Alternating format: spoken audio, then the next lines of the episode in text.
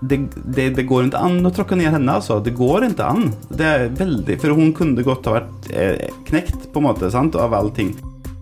Velkommen til Studio B på Sølvberget, hvor vi snakker om litteraturens klassikere. Dagens bok er 'Sami en ny måte å stave navnet mitt på', som kom ut i 1982 og er skrevet av amerikanske Audrey Lord. Og uh, De to som har lest den, de har så lange navn at vi ikke skal bruke tid på å stave dem. Det er mine kolleger Tale Telfjoflå Unnskyld. Tale Kjell Flåt Dobbert og Thomas Robert Gustafsson. Eller Thomas Robert. Thomas Robert Gustafsson. Eller har du enda lengre navn, Thomas? Svensker har gjerne sånn seks-sju. Nei, vi har, vi har, i min familie har vi to. Yep. Det, dere får litt Eller min mamma har tre. Har, min mamma heter Monica Lillian Gisela. Så hun, hun, berger familiens ære ved å ha tre. Ja, ja. For det, det, skal helst være en sånn god samling ja. fornavn i Sverige. Et, det er ikke mange som bare har ett førnavn, altså. Nei. Nei. Dette er adelskap og eh, lange Gustav Vasa-arven og alt det der. sant? Den skal liksom smykke seg med litt navn. Jeg er sikker, men sånn som det Robert-navnet Min pappas oldefar heter Robert, og etter det så heter alle min familie Robert i andre navn. Og det, det gjør min sønn også. Jeg er ikke sikker på hvorfor jeg fortsetter med det, men sånn ja. ble det. Jeg trodde pappa skulle bli glad, men det ble han ikke. han var klar for å kvitte seg med ja, Åke? Ja, men du tørte ikke å stå opp Nei, jeg mot, følte, jeg trodde liksom det skulle være sånn gøy for han, men uh, det, han brydde seg ingenting om det. Ok, Men kanskje din sønn, da? Kan han kvitte seg med Robert? Ja visst, det er bare sletter det. Det er greit for deg? Ja, ja, ja. ja, mm, okay. ja. Så det står ikke en sånn Det er ikke en hel Gustavsson-klan som spinner i graven hvis Kanskje, men ikke meg. Jeg, så må bare gjøre det. okay. Ja vel. Uh, vi skal altså snakke om boka 'Zami' med sett en ny måte å stave navnet mitt på. Hva er dette for ei bok, Thomas? Eh, altså det, det en, hun kaller det selv en biomytografi.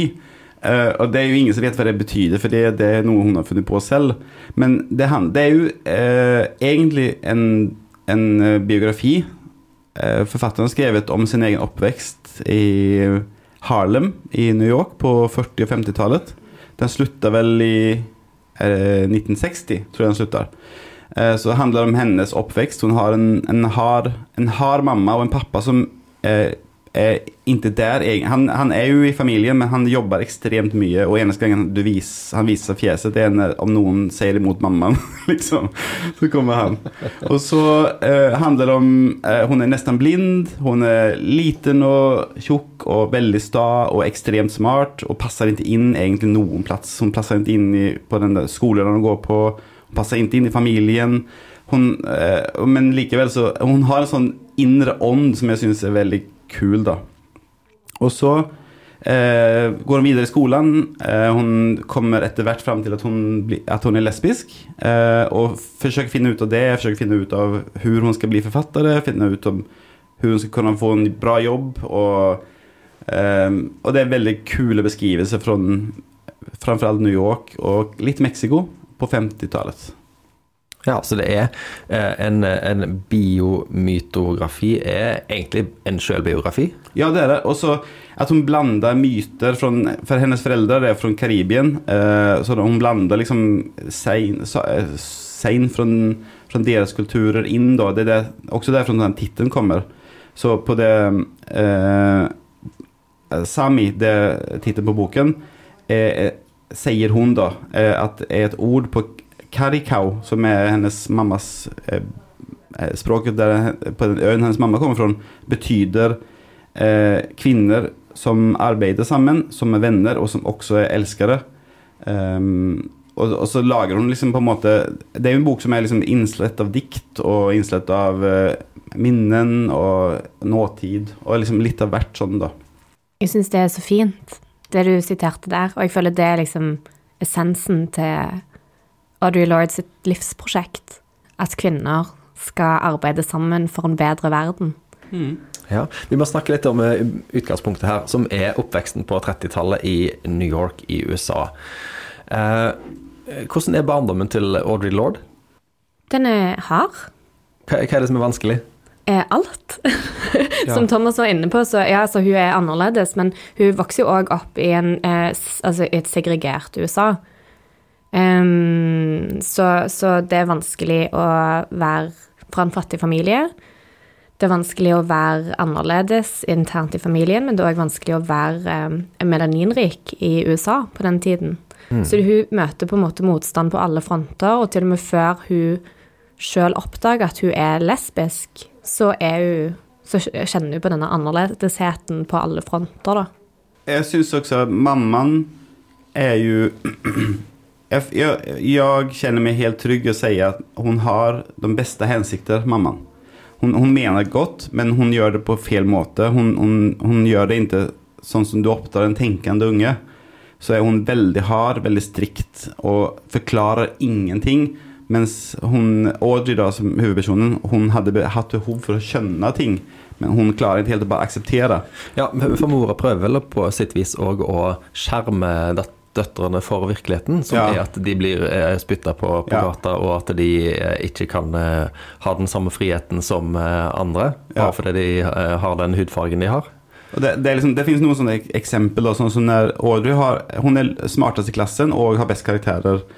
Så sier, sier eh, deres lærer da at nå skal vi ha en sånn det, elevråd, eller hva er det for noe? Ja, ja. Og så skal hun eh, Så den, den beste eleven kommer vinne, liksom. Og da, ok, men jeg er jo best. Det er jo sånn befriende for at hun, tross all motgang og ydmykelse, så føler hun virkelig Ja, men det er jo jeg som er best i klassen, så jeg kommer vinne. Og så får hun en fyr i klassen til å nominere seg, og så eh, forteller hun sin mamma om det, og mamma blir sur og sier bare kut kutt ut med det tullet. Og så går det noen uker, og så det er valgkampen da, og så selvfølgelig taper hun.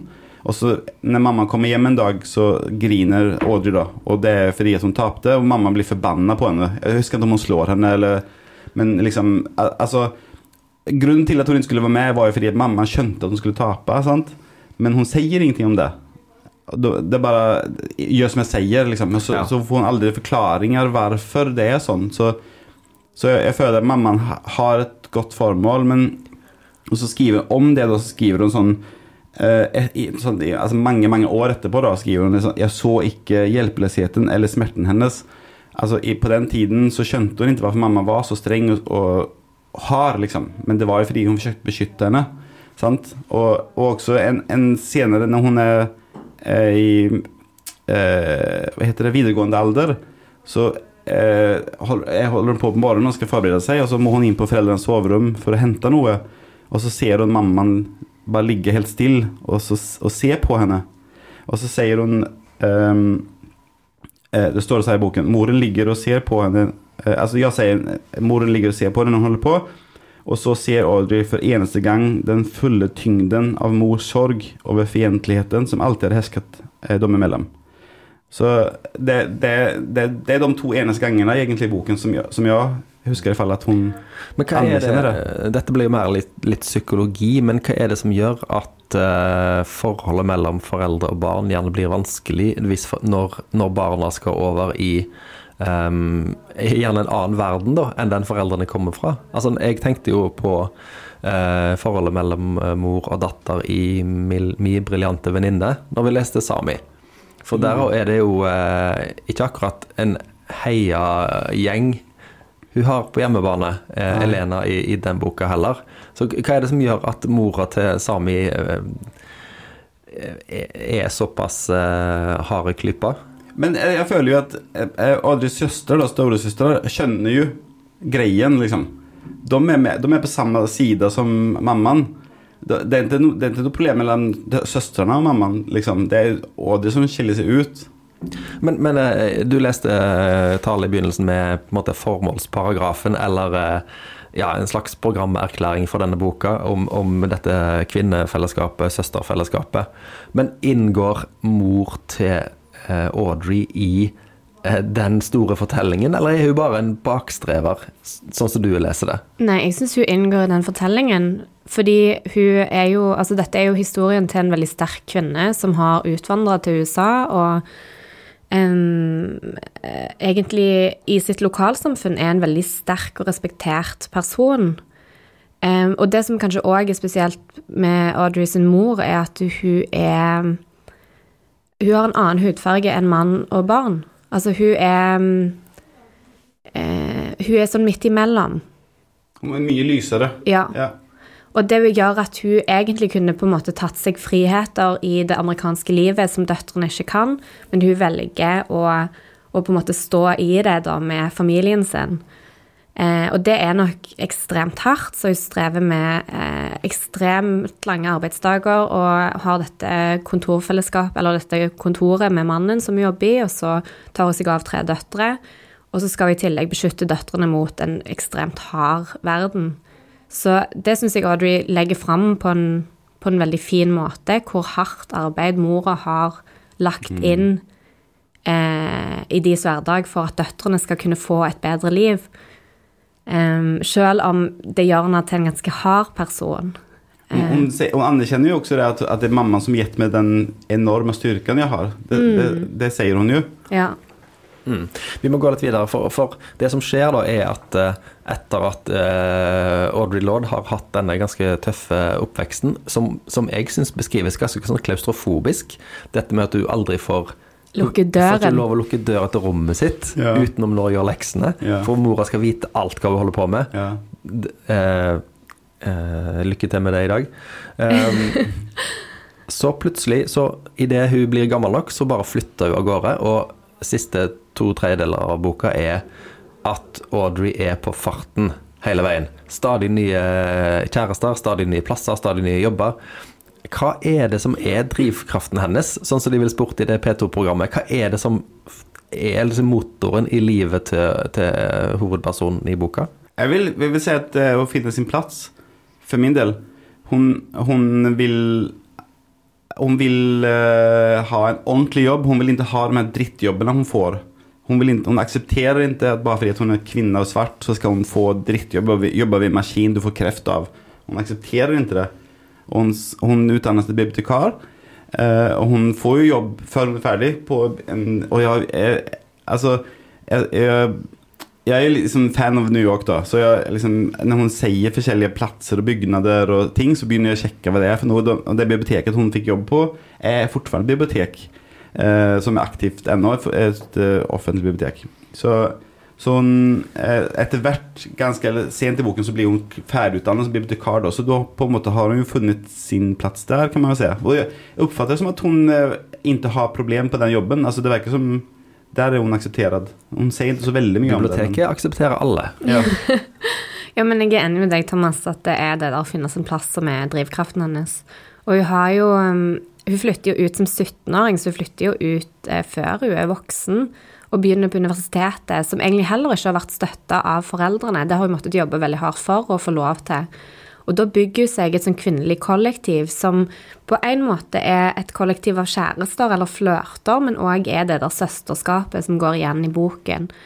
Um, så, og det er jo dessverre begrensa hvor lenge man kan leve som student på jeg vet ikke fem kroner i uken, eh, sånn eh, det var for henne. Så, så, på et eller annet punkt så skaffer hun seg en dårlig betalt jobb på en fabrikk, og, mm. og det blir hele veien. Sant? Det er denne drivkraften for Hun, hun leter etter noe bedre hele veien. Men det som støtter henne hver gang, er jo alle steder hun kommer til, så finner hun en eller flere søstre som mm. kan hjelpe henne i hennes prosjekt. Ja, for, for, dette er jo en bok om, om uh, mange ting ved hennes liv, men jeg tenkte først og fremst at det er en, uh, et stort eksempel på det som i journalistikken heter 'show, don't tell'. Altså, vi får aldri noen sånn stor sånn tale. Uh, dette er jo en bok om det å bli forfatter, på et vis, for hun ble jo det til slutt. Mens eh, hvis en leser Min kamp av Knausgård, så er det jo side opp og side ned med 'jeg skulle vise dem', 'jeg skulle pige det, vise alle at jeg var verdens største forfatter'. Mens hun bare skriver hele veien at eh, ja, så flytta jeg til et nytt sted, og jeg hadde skrivemaskinen min med meg. Men det er ingen sånne eh, lange skildringer av å, så strevsomt det er å skulle bli forfatter. Eller å, jeg drømte om å bli poet. Nei, men det er bare en del av livet for henne, virker det som. Hun, hun, opplever jo så ekstremt mye sorg òg i løpet av livet. Så hun mister jo en bestevenninne som hun antageligvis òg var forelska i, til selvmord når hun er 15.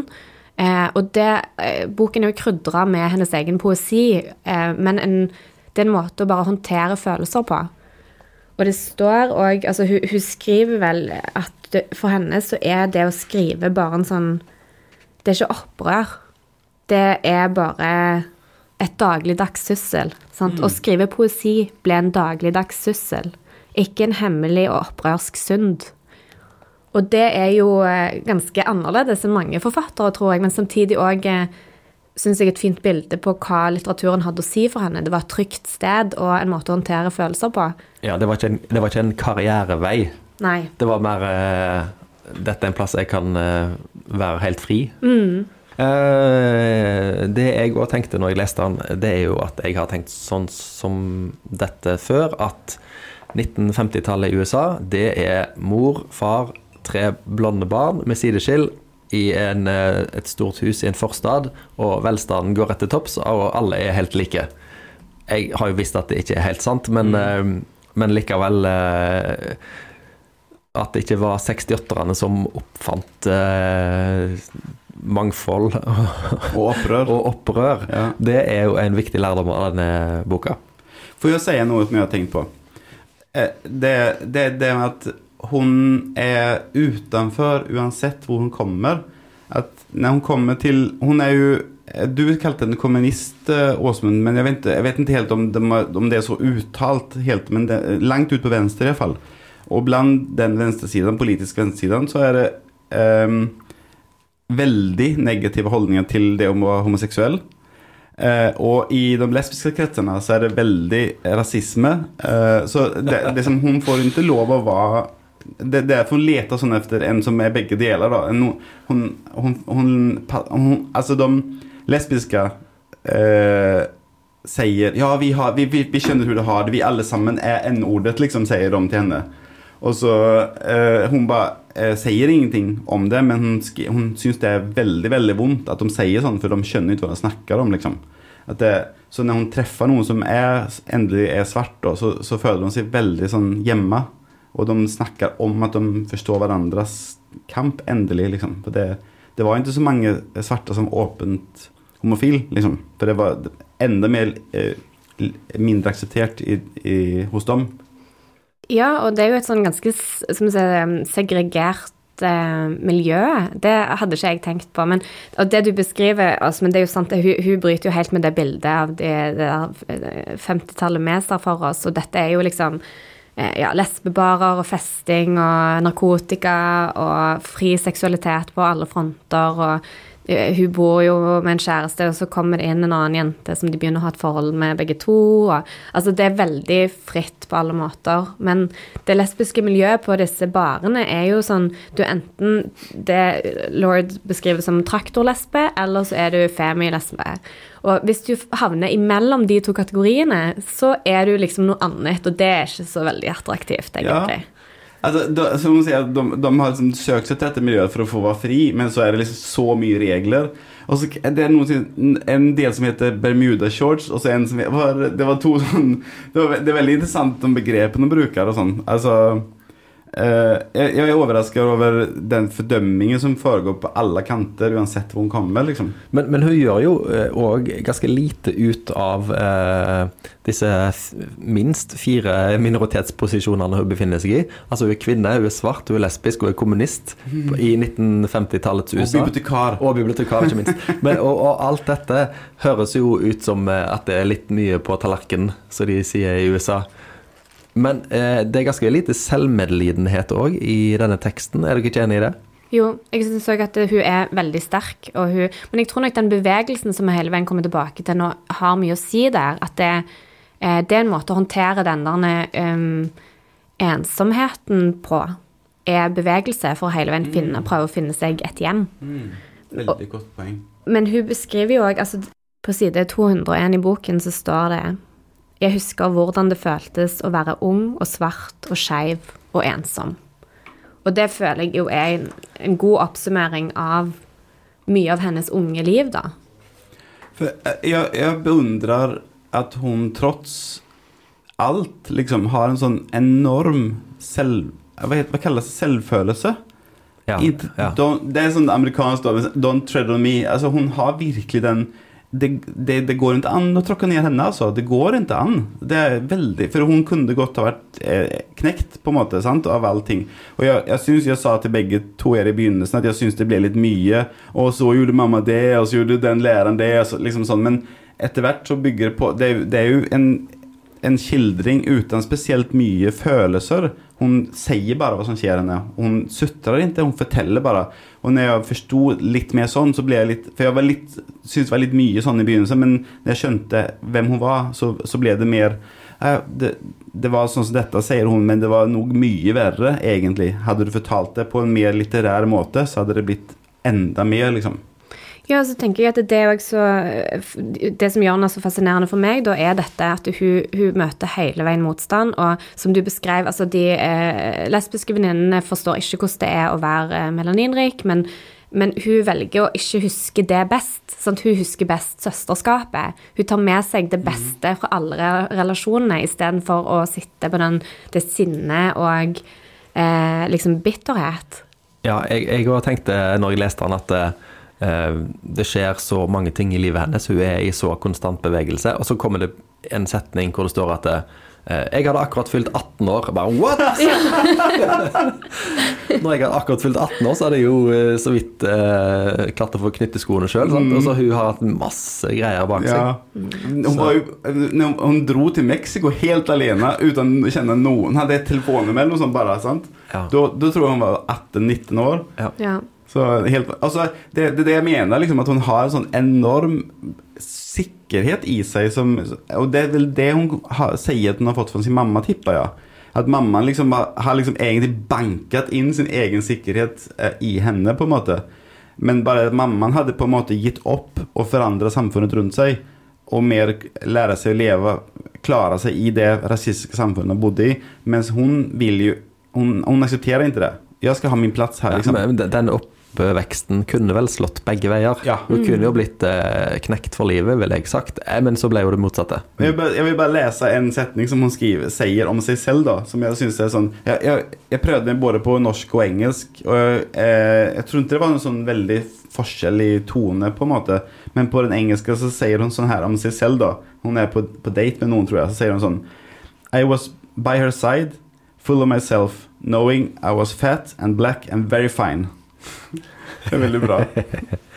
ja. Uh, jeg tenkte jo på ei bok som ofte lånes ut fra selvhjelpsseksjonen vår. Det er ei bok som heter 'Slutt å gruble, begynn å leve'.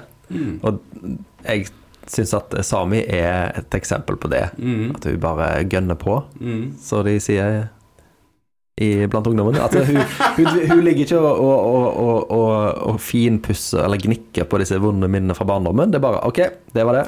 Videre til neste. Altså, hun skaper jo på en måte nye vonde minner også hele tiden, ja. men hun, bare, hun går videre. Ja. Noen ganger er hun jo mer eller mindre knekt. Men så går, hun bare tar seg opp igjen, liksom. Så, A rolling stone gathers ja. no moss. Mm. Det som jeg liker best med boken, da, det er den, den måten hun beskriver ting på. At, uh, fordi hun har ikke så mye følelser i det når hun forteller hva som skjer henne eller hennes venner. Hun forteller ganske enkelt om at ja, så, så tok hun livet av seg. Og, og, så tar det jo lang tid før hun dør. Hun spiser gift eller et eller annet sånt. sant? Hun venninnen. Og ja. det tar lang tid, men det er likevel Det er ikke følelsesmessig skildra, det er mer sånn uh, faktabasert. Men det er som hun viser sin, sin um, poet, syns jeg, når hun beskriver eksempel eh, der hun er i Mexico, eller hun beskriver Harlem eller sånn. Så jeg, kan jeg lese en setning eller to? Så sånn her i slutten da, så, så, har hun vært oppe på taket og kost seg med en venninne. Og så eh, skriver hun Da vi kom ned fra taket etterpå, var det til en kvelende het sommernatt i Vestre Harlem. Med radiomusikk i gatene og den ubehagelige skrikingen fra overtrøtte og overpetede barn. I nærheten satt mødre og fedre på hustrapper eller melkekasser og stripete camp campingstoler og viftet sitt tankespett mens de snakket om eller tenkte på at arbeidet ventet i morgen som vanlig, og at de ikke hadde fått nok søvn. Det er veldig fint. Du kan se det for deg, liksom.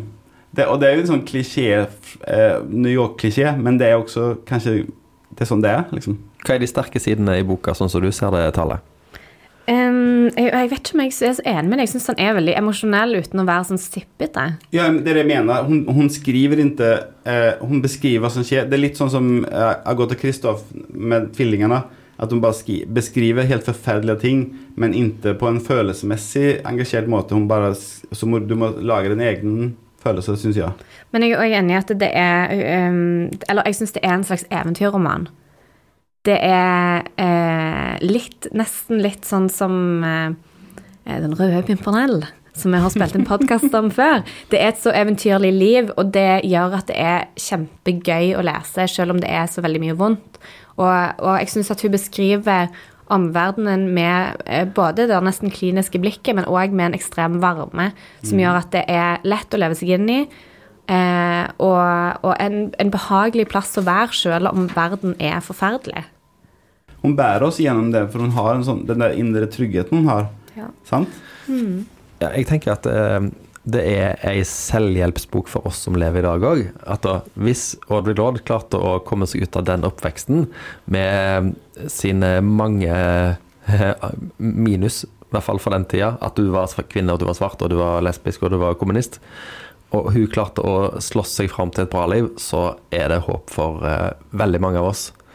Eh, eh, og jeg syns òg det var gøy å tenke på det der som jeg ikke har tenkt før, at eh, USA var òg i krig i andre verdenskrig, ja, men de hadde òg en frykt for på en måte bombing. Og det er jo vanskelig å se for seg i dag. De, de, det var jo tyske ubåter som, som var nærme New York og, og rekognosert osv. Men så kommer det ganske mot slutten av boka her Audrey Lord som snakker om ei venninne hun treffer. Eh, og dette her viser liksom styrken, da. Vi hadde begge vokst opp til lyden av Franklin Delano Roosevelts standhaftig optimistiske radiotaler foran peisen, så vi hadde begge absorbert noe av oppskriften hans for framskritt. Og nå kommer dette livsrådet som alle kan ta med seg.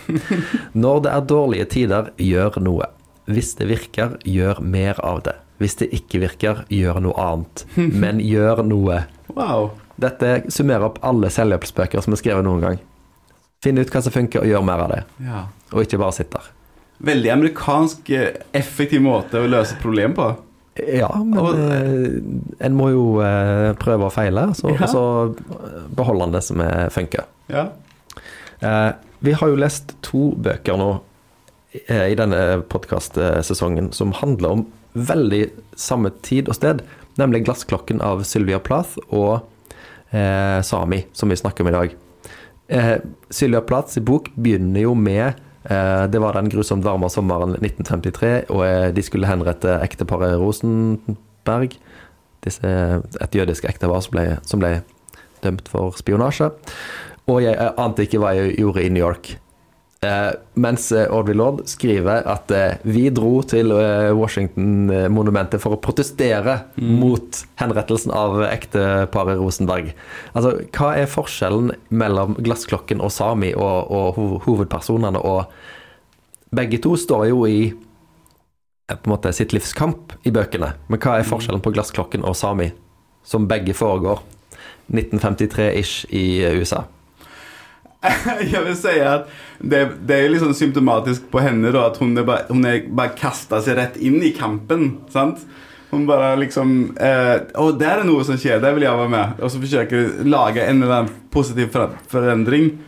Eh, mens eh, kanskje Sylvia Plaths karakter er mer opptatt av sin indre kamp, da.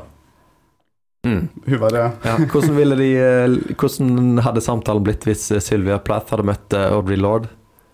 Ja, det, de to hadde, tror jeg kunne vært kult. Tror du ikke det? Hun var jo en fiery woman, så det kunne godt uh, det at jeg hadde noe å snakke om. Ja, hva tror du, Tala? Jeg, Jeg aner ikke, for jeg har ikke lest eh, den oh, ja. boken og ikke vært med på podkastinnspillingen. Ja, det var ikke meningen å, å, snakke, å liksom gjøre utenforskap til en ting i en eh, bok som handler om utenforskap, så beklager det, det det går, jeg er jo eneste kvinne i dette studioet òg, så jeg er vant til det, vet du. Og jeg vil, jeg vil bare si en, en annen ting som jeg syns er kul med, med henne i boken. Da. Jeg hører på å kalle henne Sammy, men det er jo ikke det hun heter. Det Audrey. Audrey. Eh, at hun bor i en sånn plass eh, der de deler kjøkken. Eh, og så er det en gammel rasistisk kvinne som bor eh, liksom ved siden av, som, eh, som hele tiden stjeler hennes brus. Og så eh, til slutt så ender det med at Audrey heller spymiddel i, i brusen og så, bare setter den inn i kjøleskapet, og så hører hun den gamle damen spy og spy og spy. Det er sånn, og så er hun også ansatt på et sted. Hun lyger på liksom, CV-en for å få en jobb. Og hennes sjef hater henne. Hun hater sjefen. Ingen av dem ville gi opp. Så sjefen kunne bare forflytte henne til noe annet, men det ville hun ikke. Så hun beholder henne, plager henne, og Sammy plager henne tilbake.